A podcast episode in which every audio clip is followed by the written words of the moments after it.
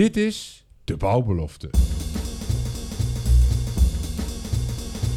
De podcast voor bouwers die het anders en beter willen doen. Met altijd een frisse kijk en dwarse blik. Arjan Tullintunnel. Anders en beter luisteraars. Dat is waar we voor gaan met de balbelofte met opnieuw een spraakmakende gast aan tafel. Welkom Robert de Vries. Ik zie jou lachen. Dat is nog eens een introductie hè? Ja, dat is een kwalificatie die ik niet zo eh, dagelijks hoor, laten we het zo zeggen. Nou ja, eens moet de eerste keer zijn Is ook in zo. ieders leven.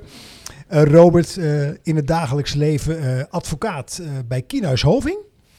Eh, groot kantoor in Enschede met sinds relatief korte tijd ook een kantoor in Utrecht. Zeg ik dat goed? Dat zeg je helemaal goed, ja. Ja, Ja. En jij hebt als specialisatie bouwrecht. Bouwrecht, vastgoed. Ja, eigenlijk alles wat daarmee te maken heeft, zeker. Nou, en dan ga ik even terug in de tijd toen eh, Robert de Vries nog eh, een jaar of 14, 15 was. Eh, wanneer is, is, dat kan ook wat later geweest zijn natuurlijk, maar wanneer heb je het idee gekregen van, joh, ik ga rechten studeren en ik ga me vastbijten in bouwrecht en vastgoed? Ja, dat is een goede vraag. Ehm, nou, ik denk dat bij veel mensen is niet het, het, het, het standaard pad geweest bij mij. Ehm, ik wilde als, eh, ik denk dat het 12, 14, een beetje, beetje begin middelbare school is dat. Toen had ik ooit nog de droom om piloot te worden. Ehm, nou, ik denk dat het nu blij mag zijn dat ik dat niet ben geworden.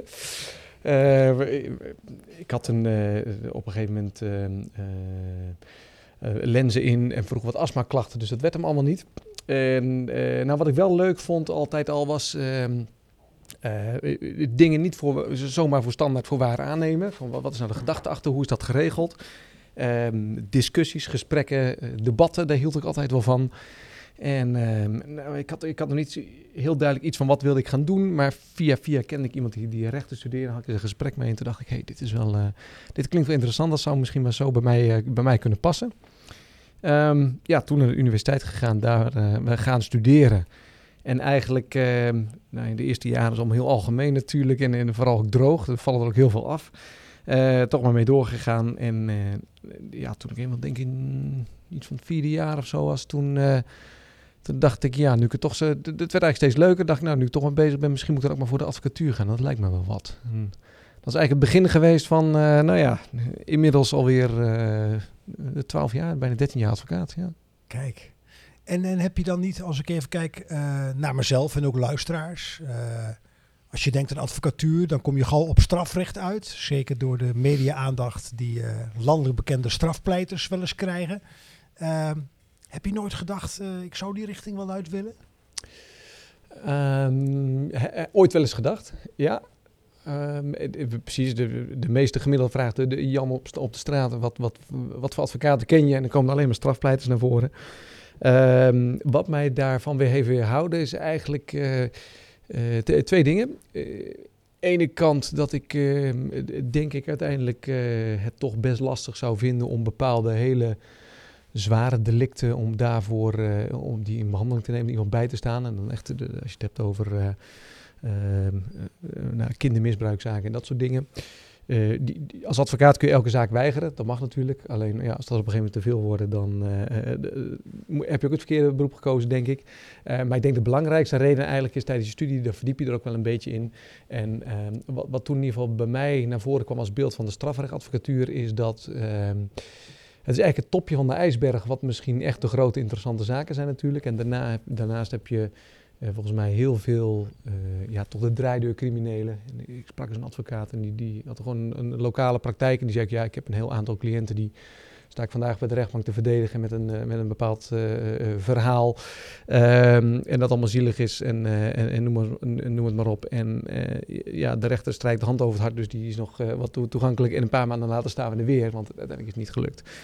Maar weet ik wel, dat is een heel zwart-wit beeld en het ligt in de praktijk ongetwijfeld genuanceerder. Maar ik had er wel door dat ehm, het, het, eh, civiele recht, dat is waar ik me bezig hou, ehm, dat het eh, wat dynamischer is. Meer mogelijkheden. De, de, mij daagt dat, meer, daagt dat ook tijdens de studie al meer, meer uit om creatief te denken. Om eigenlijk zelf uh, nou ja, de praktijk toe te passen op het recht, zeg maar. Om de juiste kaders te zoeken.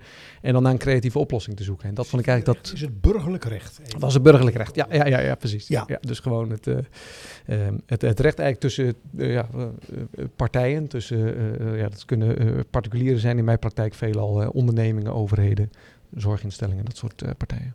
En dan kom je uit op een gegeven moment in de bouwwereld. Hoe is dat? Ja. Waar is het misgegaan, Robert? ja, dat is een kwalificatie die jij daaraan geeft. dat klopt. Maar ik zeg het met een brede... Nee, dat snap ik. ik. dat, dat zie ik, maar dat zien de mensen thuis natuurlijk niet. Nee, dat klopt. Um, Nee, hoe, hoe, is dat gekomen? Ja, ik ben eigenlijk, ik heb wel een achtergrond in de bouw in zoverre dat ik uit een, een familie kom met, uh, waar veel mensen in de bouw zitten. En mijn vader had ook een eigen bedrijf in de bouw, dus als klein jongetje had ik daar wel mee te maken. Um, mijn vader die zei, je moet eigenlijk beter doen dan ik of anders doen. Uh, want ik moest toen ik 16 was gaan werken om de, kosten te verdienen. Uh, maar volgens mij kun je beter gaan studeren, daar heb je uiteindelijk meer aan. En dat deed ik natuurlijk braaf als klein jongetje. Um, ja, en dan, dan ga je op een gegeven moment studeren en dan moet je daarna een, weer de advocatuur in. Die keuze heb je gemaakt, dan moet je een, een richting kiezen. En uh, ja, de bouw sprak mij altijd al wel aan, eh, omdat ik het dus, dus van, van jong af aan heb meegekregen. Maar ook omdat het iets heel tastbaars is. Het is uh, hè, als je het hebt over de bouw, je ziet gebouwen daadwerkelijk de grond uitkomen. Um, in het begin met een papieren contract en tekeningen en uiteindelijk staat daadwerkelijk het gebouw er. En dat sprak mij met name erg aan. Um, juist het recht is voor een groot deel ook theoretisch. Hè. Het, gewoon, gaat om regels, om, om teksten, om uitleg, om contracten. Maar juist daar de combinatie met, uh, met, met de praktijk, het zien dat er een, uh, ja, wat het eigenlijk doet, wat het resultaat is van, van een contract of hoe het gebouwd wordt, dat sprak mij heel erg aan. Um, dat is de ene kant. En de andere kant is de, de, de, partijen die je in de bouw tegenkomt. Hè. De, aannemers, de, de, architecten, de ontwikkelaars. je komt ze in allerlei soorten en maten tegen. En ik vind dat leuk. Ik vind het leuk om met verschillende soorten mensen contact te hebben. Um, en daar op mijn eigen manier zeg maar, nou ja, zo juridisch bij te staan, maar ook het verhaal achter de zaak te kennen en relaties op te bouwen. Dus dat, nou, dat bij elkaar maakte voor mij ja, wel vrij snel de keuze om in die bouwvastgoedhoek terecht te komen. Mooi. Ik, ik, ik, ik hoor een, een lijntje, een linkje naar, naar, naar, naar contract. En het kiel zocht daarvan vertrouwen. Hè? Van contract naar vertrouwen. Het zou, het zou door de marketingafdeling binnen Kienhuis bedacht kunnen zijn. Uh, echter nu de praktijk. De, de praktijk die vaak weer barstig is. Inderdaad, je zei het al, de luisteraars kunnen ons niet zien. Maar bij, bij, bij contracten denken mensen toch gauw aan een, een plank, een, hal, een halve archiefkast vol met ordners. In het pre-digitale tijdperk met allerlei punten en komma's. En natuurlijk een beetje uitvergroot. Maar dat van contract naar vertrouwen, wat, wat, wat kun je ons daarin meegeven? Um, nou ja, wij worden, advocaten zijn van nature wantrouwend. Dat is nu helemaal zo. Hè? Wij, uh, daar worden we ook voor betaald. Dat is ook waar we goed in zijn, om risico's te signaleren. En daar uh, onze cliënten, of uh, als er een samenwerking is, de partij daarop te wijzen en daar een oplossing voor te zoeken. Dus er zit per definitie een wantrouwend element in. Je kijkt van, hè, als het nou niet goed gaat, dan moet het goed op papier staan. Als we het hebben over contractvorming. Um, en dat is eigenlijk een beetje... Uh, het tegenovergestelde vaak wat partijen willen. Hè? Die zijn al vrij snel met elkaar overeen. Wij gaan samen iets, uh, iets bouwen. Uh, dit is een aanneemsom. Uh, nou, alle voorwaarden worden afgesproken. En dan, oh ja, het moet nog even vast worden gelegd op papier. Maar dat is eigenlijk een ondergeschoven kindje vaak. En um, nou, dat is door de jaren heen heeft dat natuurlijk geresulteerd in heel veel contracten die inderdaad allemaal steeds langer worden. En uh, elke keer als weer iets misgaat, zie je dat partijen daar in het volgende contract een nieuwe voorziening voor, uh, voor regelen. En zo zie je dat, uh, ja, dat uiteindelijk best wel uh, vaak omvangrijke contracten, zeker bij grote projecten, en dan is dat ook, uh, dan is dat ook nodig. Um, en dan even naar het vertrouwen toe. Um, misschien een aardig bruggetje dat wij onder andere dus met de bouwclub daar wel eens over gehad hebben. Van nou, die contracten die worden juist allemaal steeds, steeds dikker en omvangrijker. Um, dat, dat, er zit dus altijd een soort uh, ja, tegenwerking vanuit de bouw, een beetje een allergie uh, van die contracten. En toen heb ik ook eens gevraagd van ja, maar wat, wat willen jullie dan? Hè? Hoe zouden jullie het dan willen doen? En daar krijg je eigenlijk steeds te horen, ja, vertrouwen is heel belangrijk. We werken graag samen met, met ketenpartners of andere partners waar we vaak samen mee doen. Dan weten we van we op aan kunnen. En dan kunnen we het contract één keer tekenen, kan de la in, hoeven er nooit meer naar te kijken. En dat is eigenlijk um, ja, wat, wat de wens is. En dat is, dat is heel erg goed. Alleen je ziet vaak, in het begin is iedereen nog goed van vertrouwen. Maar als dat tijdens de bouw natuurlijk dingen misgaat, ja, dan willen mensen toch ergens op, op te kunnen terugvallen. en dan red je het niet alleen meer met vertrouwen. Dus dan is het de kunst om dan op dat moment in het contract ja, zodanig heldere bepaling eigenlijk te hebben staan dat je kunt zeggen: Oké, we zijn het er nu niet over eens. We komen er samen misschien ook niet uit. Nou, laten we dan eens kijken in het contract, wat hebben we daarover afgesproken? Staat het dan niet, Robert, vul me aan als ik het niet goed zeg, haaks op elkaar? Want enerzijds hoor ik je zeggen: vertrouwen goed, alleen als er iets gebeurt, willen we ergens op terug kunnen vallen. En dat houdt dan eigenlijk als vanzelfsprekendheid in dat er een lijvig contract aan ten grondslag ligt. Juist om, wat je al zei, vanuit een gezonde dosis wantrouwen, risico's uit te sluiten. Um, nou, dat, dat hoeft niet. Kijk, het ligt eraan wat je in het contract opneemt. Je kunt daar ook in, uh, voordat het eenmaal zover komt, kun je ook zaken met elkaar afspreken over hoe gaan we ermee om, überhaupt als er een conflict uh, ontstaat. En daar wordt ook wel mee geëxperimenteerd in, uh, in, contracten. Um, kijk, de, de klassieke situaties, er gaat iets mis. Nou, natuurlijk bespreken dan de mensen op de bouw dat met elkaar. En die zeggen, hoe gaan we dit proberen op te lossen? niemand zit te wachten op juridische geschillen. Dus als even iemand... nou, voorziening moet worden getroffen, iets extra aangebracht of een keer iemand moet terugkomen, dat is allemaal geen probleem. Maar zeker als die, die problemen wat groter worden, dan moet daarvoor um, um, een oplossing komen. De reflex is dan vaak, nou, dan, uh, dan stappen we eens naar onze juridische afdeling toe of naar een advocaat. En die laten we een briefje schrijven met, uh, goh, weet de partij, er gaat iets goed mis. Ik stel u aansprakelijk en los het binnen twee weken op. Um, en als dat niet gebeurt, dan, hè, dan de, de ontvangende partij laat het ook lezen aan zijn, aan zijn jurist of huisadvocaat. En die stelt daar een reactie op. En dan zie je eigenlijk al dat je allebei een beetje in de, ja, de hak in het zand en in de loopgraven terechtkomt. En juist dat is dan, dat stap van je zegt van ja, er zit daar nog wel het vertrouwen in. Nou, dat is dus niet het geval. Um, en dan kun, zou je kunnen kijken, ook in het contract al, kunnen we nou dat stadium voorkomen? En daar zijn wij ook de afgelopen jaren een aantal overeenkomsten mee aan het uh, experimenteren geweest op basis van uh, al bestaande contracten in het buitenland. Um, door gewoon afspraken met elkaar te maken als een situatie zich voordoet op de, op de werkvloer en uh, daar komen de mensen er niet uit. Nou, laten we het dan eerst eens voorleggen aan twee onafhankelijke mensen wat hoger in de boom. En laat die erover oordelen bijvoorbeeld. En merk je dan toen je daaraan begon, in alle openheid, je gaf aan aan het begin, per definitie zijn we als beroepsgroep wantrouwend. Dan heb je eigenlijk te schakelen op een andere manier van vastleggen van, van, van afspraken. Ik kan me voorstellen, als je dat met collega's bedenkt, allemaal vanuit een, uh, zeg ik met een knipoog, wantrouwende houding. Hoe open-minded kun je dan zijn? Hoe open kun je dan zijn in het echt fris kijken om het op een andere manier te doen? Als mijn vraag een beetje helder is. Dat lijkt mij een lastige voor jezelf als, als, als advocaat en collega's onder elkaar. Ja, nou, ik weet niet. Ja, eh, ja natuurlijk is lastig. Maar we, we, hebben vaak de capaciteit om goed na te denken en om, om, om daar iets van te maken. Nee, wat denk ik uh, hierin een van de belangrijkste punten is, uh, is inlevingsvermogen. Dat je je kunt verplaatsen voor een deel in de, in de partij bij de overeenkomst. Dat je ook begrijpt van ja, ik kan heel mooi juridische zaken dichttimmeren. Maar daar zijn uiteindelijk de partijen niet, niet mee geholpen. Um, en dan is het een, een, een kwestie van goed opschrijven van wat, wat willen partijen dan wel, waarmee je zeg maar niet uh, afdoet aan hun juridische uh, posities, maar wel meer het proces omschrijven van hoe gaan we met elkaar om. Dat is denk ik die eerste stap. En ja, dus meer aan de voorkant de zaak overleggen en bespreken conflicten tijdig signaleren, of potentiële conflicten, en dan al met elkaar daarover in, in overleg treden. Want hoe eerder je er vaak bij bent, hoe minder grote gevolgen zijn achteraf. Dus ook hoe eerder je kunt acteren en dingen kunt voorkomen. En merk je dan in het hier en nu 2021 dat steeds meer, of gaandeweg steeds meer bouwpartijen daarvoor voelen, voor die uh, manier van denken, doen? Ja, dat, nou ja, de, uh, dat is een lastige vraag. En uh, waarom is dat lastig? Uh, ja, je ziet dat steeds meer de, dat de behoefte daaraan groot is. Maar tegelijkertijd is de bouw, overigens net als de advocatuur, dus wat dat betreft kunnen we de bouw als een advocaat elkaar de hand geven, is een behoudende beroepsgroep. Dus uh, we weten wat we kunnen, we weten hoe we het vaak doen. Uh, zeker in deze tijd, wanneer we toch te maken hebben met een wat, wat overspannen bouwmarkt, waarin het werk voor het oprapen ligt, en eigenlijk iedereen uh, hartstikke druk is, is het vooral van, nou we, kennen bepaalde contracten die we vaak gebruiken, we weten hoe we daarmee omgaan en hoe dat werkt, dus dat gebruiken we maar weer. En dat staat wel aan, ehm, echte innovatie, denk ik, eh, voor een deel in de weg. Of in ieder geval ehm, gaat het daardoor langzamer dan, eh, dan misschien goed zou zijn. Ja.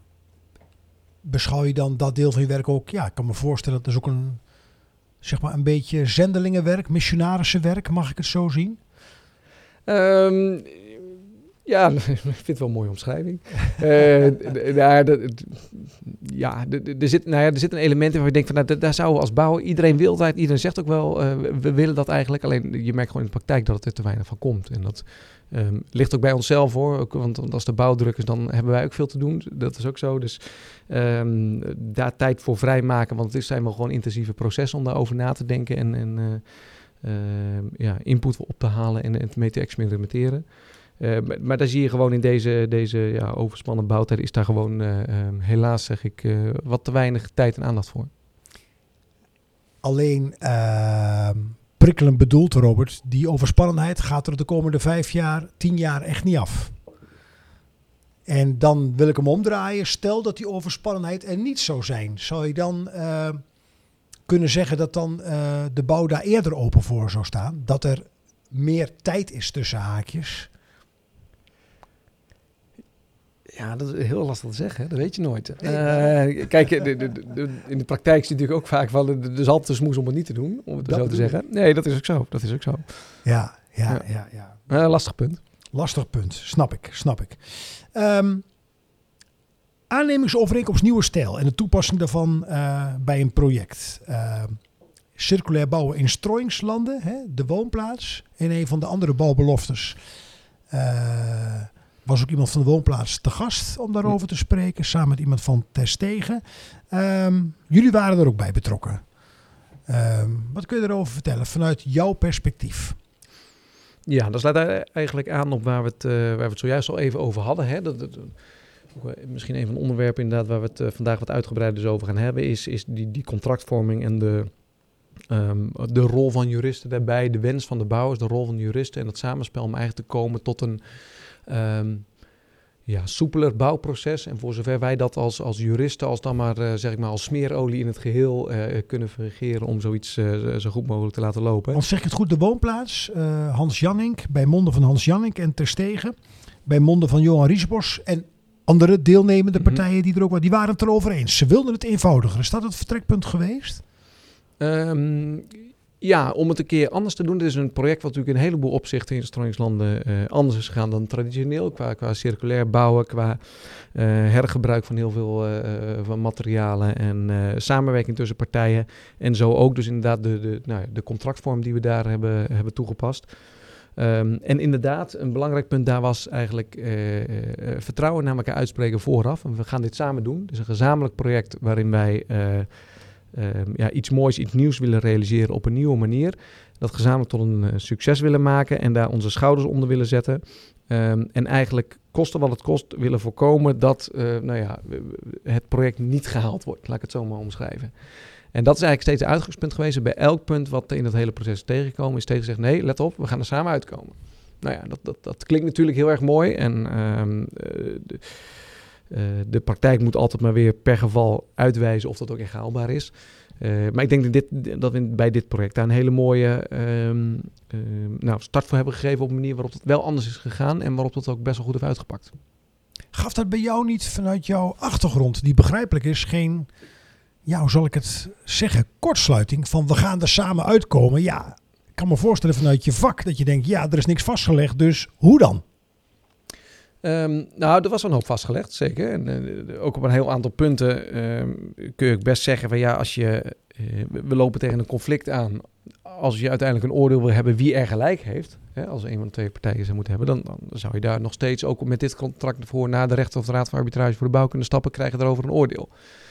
De uitdaging was nu juist om niet in dat stadium terecht te komen. Dus, hè, eh, En hoe is dat dan? Hoe heb je dat? Hoe hebben jullie dat samen? Hè, want het was Ja. een gezamenlijke inspanning. Ja. Hoe heb je dat dan samen kunnen bereiken? Nou, om een, eh, misschien is het beter te verduidelijken om te voorkomen dat we heel algemeen en abstract blijven praten, om gewoon eens een concreet voorbeeld te noemen. Wat we hebben, ehm, wat we hebben gedaan is in het contract een, ehm, systeem geïntroduceerd met eh, wat we noemen het systeem van vroege waarschuwingen. En eh, wat dat betekent is dat contractueel iedere partij die betrokken was verplicht is om zodra die ziet dat iets gebeurt op de bouw, eh, in het bouwproces, wat van invloed is op de prijs, de kwaliteit, duurzaamheid eh, en de bouwtijd, eh, een van die aspecten, wat daarvan invloed, dan is diegene verplicht om dat te melden tijdens de eerstvolgende bouwvergadering. Ehm, wie dat meldt, maakt niet uit. Doet ook niet af aan wie er aansprakelijk is, verantwoordelijk, et cetera. Het gaat erom dat die melding er komt. En daar hebben we een, uh, een overzicht voor gemaakt. En elke keer komen die meldingen erbij te staan. Wat is er geconstateerd? Door wie? Wie is er verantwoordelijk voor dit punt? Wanneer moet het opgelost worden? En is het opgelost? Om vroegtijdig te signaleren. Juist yes. vroegtijdig. Ja. Zo vroeg mogelijk te signaleren. Dus als iemand uh, zei, nou, ik, ik, ik zal op datum X uh, bepaald materiaal binnenkrijgen en de leverancier heeft wat problemen. Hij zegt, ja, misschien red ik het wel, misschien red ik het niet. Misschien zeg je traditioneel, ik zeg niks en ik zie het wel of ik het red en anders ga ik in het laatste geval wat anders zoeken. Nu leg je dat gewoon uh, leg je dat vast. Ja, ik weet het niet, twijfel, we gaan ermee aan de slag. Um, en zo nog meer punten. We geven dan een hele lijst natuurlijk van, van dingen die, die geconstateerd werden tijdens de bouw. En elke keer, uh, dus elke uh, bouwvergadering, werd die lijst langsgelopen en gekeken, hé, hey, wat, wat is de stand van zaken? We hebben dit toen gesignaleerd, jij zit het oppakken, wat heb je gedaan? Hoe, wat is hiermee, welke stappen zijn genomen? En uh, wat je zag in de praktijk is dat het ervoor zorgde dat wel heel veel punten uh, uh, vroegtijdig werden gesignaleerd, maar ook je verplicht was om ermee aan de slag te gaan. Want je weet, de volgende bouwvergadering staat er weer te lijst. En, en dat kwam juist door die vroegtijdige signalering? Dat kwam, nee, één door het feit dat het genoteerd staat en dat er elke keer over gesproken, maar zeker ook door die vroegtijdige signalering. Ja, omdat je er juist heel vroeg uh, uh, bij bent. Ik kan ook iets als, als een bepaalde partij op de bouw iets signaleren wat bij iemand anders ligt, maar dan meld ik het wel. En dan ga je dat gesprek met elkaar over aan. En wat die eigenlijk, het is een soort tool om de communicatie heel erg te verbeteren tussen, tussen allebei de bouw betrokken partijen.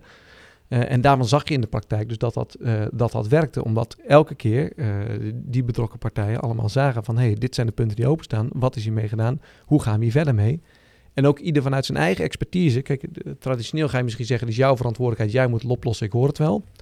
En wat je nu zag, dat je eigenlijk een soort uh, uh, primair een gezamenlijk probleem. Uiteindelijk is er één eindverantwoordelijke, maar je probeert samen wel die oplossing te vinden. En het kan best zijn dat een van de partijen die helemaal niet verantwoordelijk is, maar wel denkt, hé, hey, ik heb hier nou ja, uh, oplossing X of Y.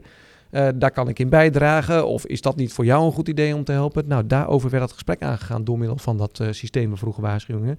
En dat hielp dus aanzienlijk om nou ja, plooien glad te strijken, laat ik het zo zeggen. En moesten al die partijen, uh, want het is voor de, voor de bouw dan uh, nieuw, begrijp ik. Mm-hmm. Of vrij nieuw. Uh, op een gegeven moment wordt die gedachtegang geïntroduceerd. In welke mate moesten alle partijen, want er zijn er nog een aantal op een beetje bouw, mm-hmm. daar echt aan wennen? Anders gezegd, wat ja. zijn de, de, de, de best lessons learned hè, vanaf het begin? Nou, wat je zag, kijk, het systeem op zich is, uh, is niet nieuw. Uh, wordt met name in het Verenigd Koninkrijk al veel jaren met succes toegepast. Um, en je ziet daar ook dat, dat onze bouwrechtadvocaten, zeg maar, in de literatuur wordt daar vrij veel over geschreven. Ook van, nou, dat is eigenlijk best een mooi systeem. Het wordt alleen nog heel weinig toegepast in, in Nederland. Er zijn een paar projecten van. Waar zit dat in dan? Als het juist in Engeland, in de UK, wel gedaan werd al en... Ja, dat heeft, heeft, voor een belangrijk deel ook wat te maken met dat het toch een echt een ander rechtssysteem is. Met andere, uh, dat gaat misschien nu te ver voor deze podcast, maar dat, dat werkt toch echt op een andere manier. Dus, dus nou, dat is een van de redenen die vaak wordt aangehaald waarom dat in Nederland wat minder aanslaat. Um, want daar gaat het om een veel omvangrijk contract, wat helemaal dit maar één element daarvan is. Maar het element, zelf, het element zelf kun je prima daaruit halen en in Nederland uh, toepassen. Dat is ook wat we hebben gedaan. Mooi. Ja. En dat wennen viel dus mee. Uh... Um, toen het eenmaal draaide en je bent een aantal bij elkaar geweest, toen, toen ging het vrij goed. Je zag wel aan het, uh, aan het begin dat iedereen dacht van ja, wat, wat krijgen we nou weer? Uh, uh, hoezo? Wat, is dit dan? En um, heel veel gedachten, primaire gedachten in opkomen van gaat dit wel werken? En, en, en waarom zou ik het vertellen? Wat is dan de meerwaarde daarvan? Best wel sceptische gedachten ook. Um, maar juist omdat het een project was waarin heel veel dingen nieuw waren, zei iedereen ook van nou, laten we maar gewoon gaan proberen. Dan zien we wel hoe het gaat. En ik denk dat dat de juiste instelling is. En die omslag, Robert, ja. dat is interessant, denk ik, ook voor de luisteraars. Van die sceptisch ombuigen mm -hmm. naar voorzichtig uh, optimisme, mm -hmm. als ik het goed vertaal. Wat, wat hebben jullie toen gedaan of bedacht? Want het zeggen is één. Het nog eens beargumenteren is twee. Alleen je hebt dan wel al die mensen mee te krijgen in dat gedachtegoed. Ja. Dat lijkt mij een ja. hele uitdaging. Nee, dat is het ook. Um, wat helpt, ja, persoonlijk contact. Gewoon met elkaar om tafel zitten, uh, uitleggen, vragen die er en, en twijfelingen. Uh, wat twijfels ja, met elkaar bespreken en ook benoemen. En waarom, waarom het wel eh, eh, kan werken. Tegelijk ook van tevoren accepteren dat het iets nieuws is. Dat je ook weet dat het eh, eh, nooit 100% zal gaan als je wil. Maar durf met elkaar die uitdaging aan te gaan. Uiteindelijk bleek, die eh, eh, bereidheid er te zijn. Ehm, en zag je ook, kijk, die eerste bouwvergadering waar ik zelf ook bij was, dan, dan ligt die lijst eh, of dat overzicht op tafel, dat moet ingevuld worden. En nou, de eerste die dan wat noemt, is toch een beetje onwennig allemaal. Mensen in elkaar aan te kijken, van, oké, wat gaan we hiermee doen? Als, als stoot jongetje in de klas zit van je hebt iets fout gedaan. Ehm, ja, of, of dat, dat dit juist over iemand anders iets ging zeggen. Hè, dat voelt soms ook nog wel eens wat, eh, eh, wat onwennig. Van ja, ik heb bij jou iets gezien. Wat moeten we daar nou weer mee? Dus nee, dat, dat is een nieuw systeem. En alleen je zag na een aantal weken, toen, toen nou, ik noem maar wat, acht punten op die lijst stonden. Toen was de, de drempel veel, veel kleiner. Was gewoon, oké, volgende punt. Nou, eh, vroege waarschuwingen. Eh, jongens, we gaan er langslopen. En iedereen gewoon, ja, tuurlijk, hè, gaan we doen. Verder, hups, vertel. Dus dat, eh, dat is even, denk ik, koudwatervrees waar je overheen moet. Maar eh, de- dat ging daarna eh, ging het eigenlijk hartstikke goed. En op een hele natuurlijke manier, omdat het natuurlijk over bouwen en het bouwproject gaat, werd dat gewoon afgewerkt. Ja. Ik heb tien vragen voor me liggen. Je mag er eentje kiezen. Ik weet niet welke vraag erop staat, maar dat gaan we dan vanzelf ervaren, Robert. Kies maar een nummer. Een nummer van, nou, laten we met nummer 6 beginnen. En dan gaan we eens kijken welke vraag erop staat. Wat is jouw grootste kwaliteit? Zo. ja, wat is mijn grootste kwaliteit? Ehm, ja, dat is, dat is een goede vraag die je daar hebt. Tenminste, de eerste gelijk. Ehm, Ja, dat dacht ik. ja. Ik denk dat dat is om... ehm, eh, naast het, het, het, het juridische... Kijk, als advocaat, ik bedoel... De basis is het juridische. Hè? Dus dat moet, dat moet gewoon in orde zijn. En ook nog... eh, zeker bij een kantoor als wij hebben op, eh, op enigszins specialistisch niveau. Ehm, maar daarnaast die vertaalslag te maken naar, eh, naar, naar- naar de praktijk. En ook te kijken van, oké, als dit nou deze juridische analyse hebt, wat, wat betekent dit dan voor de praktijk? Of ehm, wat doet dit dan met, met, met partijen en waar willen partijen naartoe? En ehm, ja, hoe, hoe kan ik dat linken aan het juridische? En niet alleen die vertaalslag voor jezelf eh, maken, maar dat ook kunnen uitleggen. Ehm, en dan eh, ja, proberen op die manier de, de, degene die erbij staat zo goed mogelijk te helpen. Ik denk dat daar een belangrijke kwaliteit voor mij, voor mij zit. Ja. En stel dat ik jou thuisfront zou vragen wat jouw beste kwaliteit is. Welk antwoord zou ik dan krijgen, Robert? Dat zegt, het is een fantastische vader voor zijn kinderen. nee, dat, ja, goed, eh, eh, ehm, daar, daar kom je weer op, eh, op de niet, eh, niet, niet zakelijke dingen. Dus als, eh, nou ja, hij is, ik denk, relaxed en relativerend. Ik denk dat dat zo is. Fel als het moet, maar ook heel goed in staat om, om te relativeren. Niks mis mee, denk ik. Nee, toch? Je mag er nog eentje kiezen. Zo. Nou we toch bezig zijn. Je Ja, mag weer een goed. nummer noemen. Ehm, nummer 1.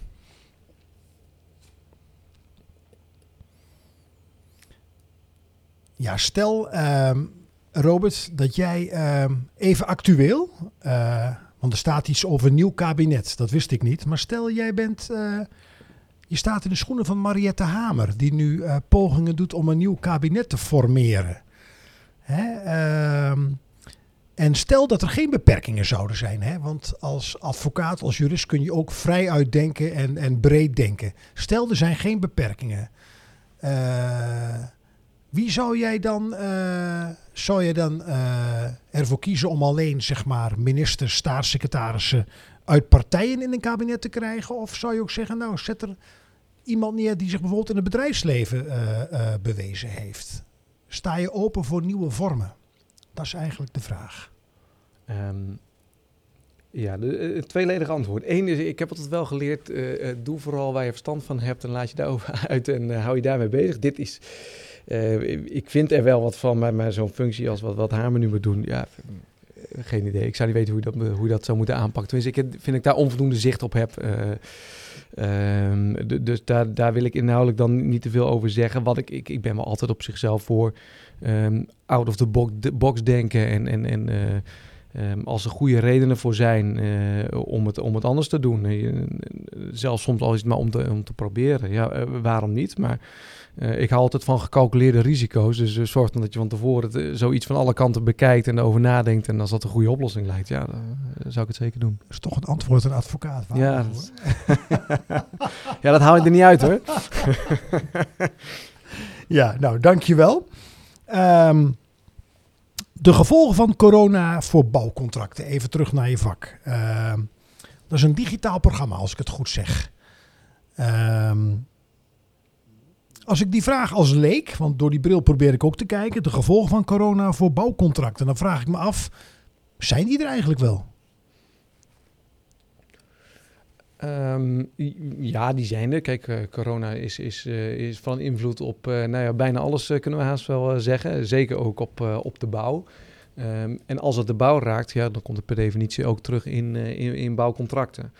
Wat je natuurlijk aan het begin zag, is, eh, wisten we er veel minder vanaf ook wat de gevolgen zouden zijn van, eh, eh, van corona. De- Blijft de bouw überhaupt open? Nou, dan kom je natuurlijk gelijk met eh, stilleggen van zo'n project, met vertraging, met opleveringsperikelen, afstemming. Dat soort discussies kunnen zich allemaal voordoen. Aan het begin van de crisis zag je dat eh, aanvoer van materialen ontzettend aan het stagneren was. Nou, dat doet iets met de bouw. Dus al dat soort elementen, eh, ook in vastgoed bredere zin met huur en verhuur.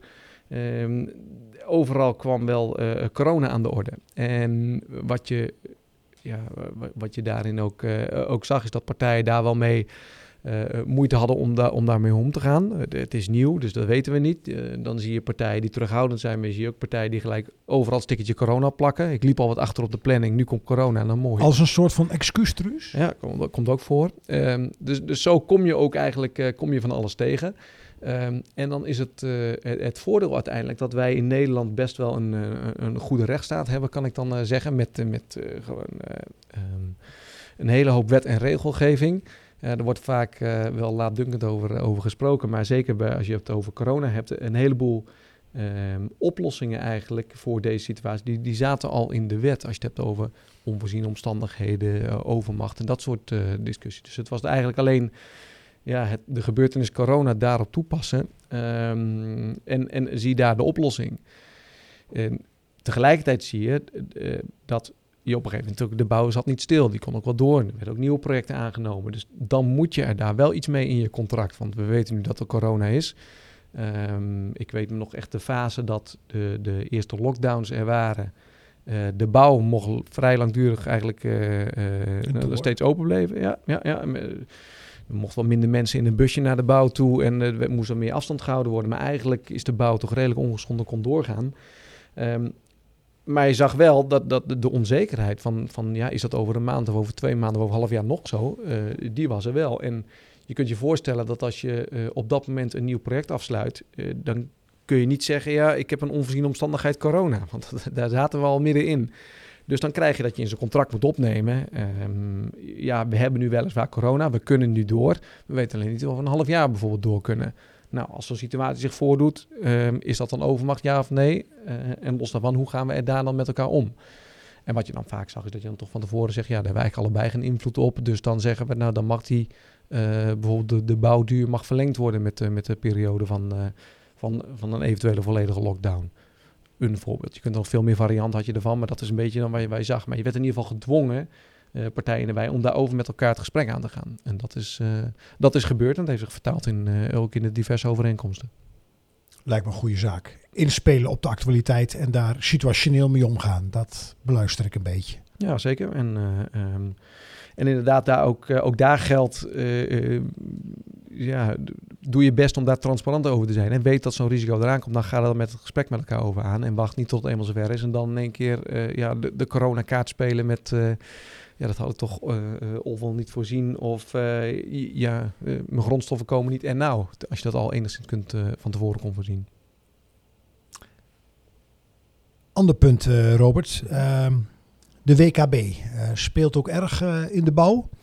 Eh wet kwaliteitsborging. En die is opnieuw uitgesteld. Ik Ja. meen met een half jaar. Klopt. Goede zaak of slechte zaak? Ehm, eh, allebei. Het is eh, een. eh, eh, eh, kijk, eigenlijk altijd is zo'n wet waarvan je zegt die gaat op datum X in werking treden. Als je dat dan later moet uitstellen, is, eh, is eigenlijk niet goed. Want dat zorgt ook weer voor een heleboel onzekerheid. Partijen hebben zich erop voorbereid. Er zijn een heleboel partijen die hebben hun overeenkomsten aangepast. Er zijn een heleboel partijen eh, rondom dat hele proces wat de WKB regelt eh, eh, opgetuigd. En eh, ja, dat wordt dan toch uitgesteld. Dus dat is, dat is eigenlijk, eh, eigenlijk is dat niet goed. Tegelijkertijd ehm, zag je gewoon dat er eh, ehm, ja, nog zodanig op verschillende niveaus ja, kritiek was of, of problemen werden voorzien dat eigenlijk ook niet anders kon. Maar dat is toch al jaren aan de hand? Want het is toch niet het eerste uitstel als ik goed geïnformeerd ben?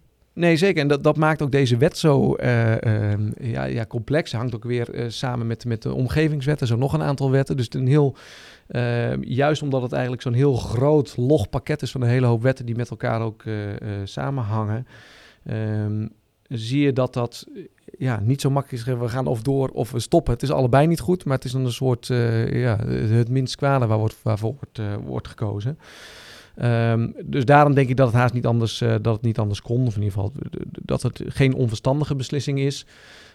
Tegelijkertijd ben ik eerlijk gezegd ook wel heel benieuwd of het over een half jaar later wel in werking gaat treden. Want nog steeds ehm, is er best wel fundamentele kritiek op een aantal punten. ehm, waar nog geen oplossing voor is. Dus daar wordt, als dat in werking toch gaat treden, dan zie je toch dat, eh, dat echt maar afwachten is van nou, wat, wat gaat dat uiteindelijk doen? En, en zie je dan ook dat eh, nog niet zo lang geleden, ik ben de getallen even kwijt, maar bij mij is blijven hangen dat een absolute minderheid in de hele balwereld in de gaten heeft of doorgrond wat voor gevolgen dat heeft. Eh, heb jij het idee dat dat de afgelopen maanden veranderd is? Dat zeg maar nut, noodzaak, of in ieder geval leeft op, op beslisniveau binnen bouwbedrijven en aanverwante bedrijven dat die wet eraan zit te komen? Ehm, ja, ik, eh, ik denk dat je een onderscheid moet maken tussen, tussen de, de grotere eh, professionele bouwers en, en de, kleine lokale eh, MKB'er. Ehm, zeker alle grote bedrijven, is mijn ervaring, zijn er volop mee bezig. Die hebben dit goed, goed in de gaten. Die zijn erop voorbereid. Die, die weten wat van ze verwacht wordt. Ehm, of dat ook geldt voor alle kleinere eh, partijen, dat, dat vraag ik me inderdaad wel af. Ehm, ik maak daarbij vaak de vergelijking met van een aantal jaren geleden toen eh, eh, de AVG in werking trad bijvoorbeeld. Daar kregen we op een gegeven moment ook nou, elke week vragen over. En ook daarvan, mensen hadden, de, de, zeker bouwpartijen, niet in de gaten van wat gaat hij nou precies doen. De grote veel beter dan, dan de kleine. Ehm, maar uiteindelijk zie je dan treedt het eenmaal in werking en dan loopt dat ook wel los. Er worden vanuit vakverenigingen allemaal verstrekt, cursussen gegeven en eh, ehm, handboeken gegeven. Dus zonder dat je nou de details dan als, als kleine aannemer hoeft te kennen, werd je wel bijgespijkerd. Ehm, en bij die grote partijen zat het wel goed. En dat is eerlijk gezegd hoe ik het ook een beetje voor me zie met, die, met, met de WKB. De, de grote ontwikkelende aannemers, eh, die, die hebben dat wel goed voor elkaar. En eh, daaronder ehm, verwacht ik dat het ook wel doorcijpelt, ja. Alleen dat zal wat langer duren, dat is je verwachting. De weg van de geleidelijkheid Eh, zal precies. weer, eh, Ja. gelden. Ja, ja. Ik heb ook een paar eh, of-of vragen. Mag je maar één keuze maken hoor, Robert. Ehm, TikTok of LinkedIn? Eh, LinkedIn zeg ik dan zeker. Nee, TikTok dat is, ja... Ik zie af en toe, eh, ehm, ik hoor erover, maar ik heb, ik heb er geen account op. Ik doe, doe er niks mee, dus... eh, eh, ja, nou maak je me wel heel, eh, eh, dat ik me oud voel. Terwijl ik juist zo, zo jong van geest ben. Maar nee, voor mij is het van na mijn, na mijn generatie. En de LinkedIn vind ik een heel mooi instrument voor... ja, om op de hoogte te blijven wat er speelt. En in contact te blijven met, met, met mensen die je kent. Maar Nou. TikTok, nee. Daar kom ik zo nog over te spreken, want dan ben Oké. je actief op, op LinkedIn, zag ik ook. Nog één vraag, of, of tatoeage of piercing? Poeh. Ehm, voor mij geen van beide. dat eh, mag je gerust weten. Eh, maar ik heb ook... Nee, ik heb... eh, om het even. Ik, ik, ik keur het zeker niet af. Iedereen moet het van mij voor zichzelf weten. En waar iemand zich goed bij voelt, be my guest. Doe ermee met je lichaam wat je wil. Ja. Prima, prima. Even terug naar LinkedIn. Hè. Ehm, zakelijk een, een, een, een bekend medium. Eh, ik denk ook voor vele luisteraars, ook voor mezelf. Ehm, waar heb jij je de afgelopen tijd zoal eh, ja, druk over gemaakt? Als je kijkt naar je posts op LinkedIn. Of wat heeft je bezig gehouden? Ehm, ja, goede vraag. Ik denk mijn laatste post had inderdaad met de uitstel van de wet kwaliteitsborging eh, te maken. Omdat dat toch wel iets is waar, nou, wat van invloed is op ons vak en ook de doelgroep die wij, die wij bedienen. Dus ehm, ja, dat is eigenlijk het meest recente voorbeeld. Ja, ja. En, en, en als je dan kijkt naar, stel, ehm, eh, je zou in een glazen bol kunnen kijken. eh, en we zijn 15 maanden verder. Hè? 15 maanden geleden eh, begon corona. Stel, Mhm. vanaf nu zijn we 15 maanden verder. Ehm, welke ontwikkelingen zie je dan als je kijkt naar jouw vakgebied, het bouwrecht en, en ontwikkelingen die in de bouw gaande zijn? Of waar zou je, ehm, waar zou je liever versnelling in zien als wens? Ja, dat is een hele brede vraag eh, met heel veel subvragen eronder. Maar eh, ja, ik, ik denk dat uh, de, de woningbouwopgave, dat blijft, uh, dat, blijft zeker de komende jaren nog ontzettend spelen. Um, wat je ziet is dat er steeds meer door, door allerlei partijen fabrieksmatig wordt, wordt gewerkt. met alle uitdagingen die, die erbij horen en kansen die dat biedt. Dus dat zal zich verder, verder ontwikkelen. Um, ik ben daarnaast heel benieuwd waar het heen gaat met, uh, met de grondstoffen, materiaalprijzen. Daar zie je toch ook heel veel nu uh, in, in, de markt. Uh, ja, ja, zeker. Ja, ja. staal, hout, dat zijn al twee, nou, twee grondstoffen te noemen waar, waar ontzettend veel om te doen is. Waar echt partijen tegen, tegen problemen aanlopen. Ofwel die in het verleden prijzen hebben vast afgegeven en dat nu ja, toch eigenlijk niet uh, redelijkwijs niet kunnen nakomen. Of uh, partijen die nu om prijsopgaves vragen en alleen maar te horen krijgen, ja, uh, dagprijzen, kan je geen vaste prijs geven, want dat is ook niet te doen. En um, ja, ik ben benieuwd hoe lang zich dat nog voort gaat zetten. Er wordt wel gezegd rond de zomer is de verwachting, of net daarna. maar het zou me niet verbazen als het nog lang wat hoog blijft en waar het dan over 15 maanden heen gaat. ja, zeg maar, heb ik echt die glazen bol nodig. Ja, ik denk uh, haast een onmogelijke opgave. Dat heeft corona ook wel geleerd, denk ik. Dat uh, alles wat we dachten wat zeker was tussen haakjes onzeker uh, bleek te zijn. Ja, precies. Ja, ja. ja. Oké okay, Robert, ja, de tijd vliegt. We gaan langzaam maar zeker richting het einde van deze bouwbelofte. Want we zijn al nou, iets meer dan een half uur in gesprek. Zo snel gaat de tijd echt. Um, kijkend naar wat zo bij me opkomt, Robert. jij noemde dat... Um, de vele hardwerkende, goedwillende MKB-ondernemers. En even los van de WKB. Heb ik dat gezegd? Ja, iets, iets soortgelijks heb jij gezegd. Ik zie uh, Jordi, onze technische man, knikken. Die zou het uh, terug kunnen luisteren. nee, Ga zonder, zonder dolle. Um, want je gaf al aan, die, die, die, die, die grote bouwers, die hebben het allemaal wel in de smiezen wat die WKB betreft. Maar kijkend naar uh, wet en regelgeving. je mag kijken door je bouwrechtbril. Wat zou jij die uh, relatief kleinere bedrijven mee willen geven als je kijkt naar mogelijke risico's in de toekomst? Wat zou je ze aanraden? Mm, ja, ook weer een goede vraag. Um, nou, wat ik vooral. Kijk, wat je, wat je ziet is dat. Um, met name die, die, die kleinere partijen het zich ook niet kunnen veroorloven om de voorbereidingen te treffen die de grote partijen doen. Daar is gewoon, zijn geen financiële middelen voor. Um, ook wij als advocaten, de, ja, het is gewoon een, een, een kostbare dienstverlening. Uh, dat, dat kan niet elke, uh, kun je niet van elke MKB'er uh, verwachten dat zich daar zo uitgebreid over laten voorbereiden, op modelcontract opstelt, et cetera. Wat ik vooral zou, ze mee zou willen geven is um, zorg dat je in ieder geval op de hoogte blijft. En, en laat je vooral ook goed Um, ja, misschien meer op hoofdlijnen informeren door de, de kanalen die daarvoor zijn. Dus, dus via Bouwen Nederland of andere brancheverenigingen. Um, ja, zorg dat je wel op de hoogte blijft van, van wat er speelt. Want het heeft gewoon wel uh, grote gevolgen. Ook echt in juridische zin. In, uh, als je het hebt over aansprakelijkheden, verantwoordelijkheden. Um, uh, dus heb daar aandacht voor. Want als je dat niet doet en het gaat een mis, kun je echt grote problemen hebben. Ja, dus besteed daar in je, in, je, in, je, in je weekinvulling gewoon wel even serieus tijd aan. Dat ja. is eigenlijk wat je zegt. Ja, dat is... Dat is Zorg dat je op hoofdlijnen ja. de ontwikkeling in de gaten houdt. Ja. En dat kan via de bekende kanalen.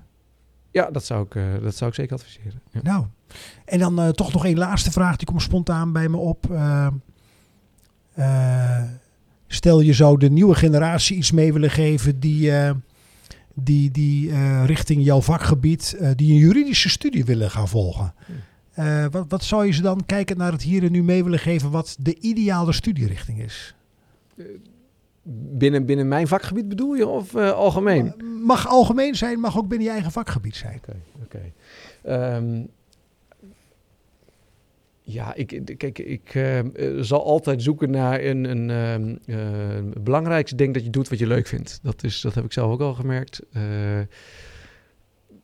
Voor mij, als je iets doet, een, een, een, een studierichting kiezen en denkt van nou, daar kan ik later goed geld mee verdienen, daarom kies ik het maar. Maar je hebt niet naar je zin, dan is je werkende leven ontzettend lang en weinig leuk. Dat is geen goede motivatie. Dat is geen goede motivatie. Dus ik, zeg, kijk eerst wat je echt leuk vindt en, en, en ga dat doen. eh, waar je gelukkiger van wordt. Ik merk bij mezelf dat me dat heel veel energie geeft, dat ik het daarom ook eh, ja, goed kan volhouden. En ook eigenlijk best wel eh, daardoor heel, heel veel aan kan, omdat het gewoon veel energie ook geeft. Um, en dan een concreet recht. Ja, ik, ik vind zelf het recht natuurlijk heel interessant. Dus ik kan het iedereen aanbevelen. maar ik hoor ook van verhalen van mensen, ja, we gewoon met die dikke wetboeken en saai, veel letters, veel tekst. Um, dat valt in de praktijk mee. Er gaat ook steeds meer digitaal. Tegelijkertijd zeg je, ja, maar als je echt een hekel hebt aan, aan, aan tekst of dat helemaal niks is, ja, dan moet je misschien niet aan beginnen. Dan, ja, word alsnog piloot en dan vlieg ik graag een keer mee. Dat had ik leuk gevonden. Maar, ja. Dus weten waar je blij van wordt en waar je energie van krijgt, dan hou je het uh, fysiek en mentaal het langste vol. Ja, daar ben ik van overtuigd. Ben ik echt van overtuigd. Ja. Nou, dat is een mooie boodschap aan het einde van deze bouwbelofte. Um, Robert de Vries van Kienhuis Hoving, dankjewel. Fijn Graag gedaan, fijn dat ik hier mocht zijn. Nou, dit was hem luisteraars. Live opgenomen vanuit Brasserie Guus in Zwolle was dit uh, de bouwbelofte. En ik zeg dan ook graag tot de volgende bouwbelofte.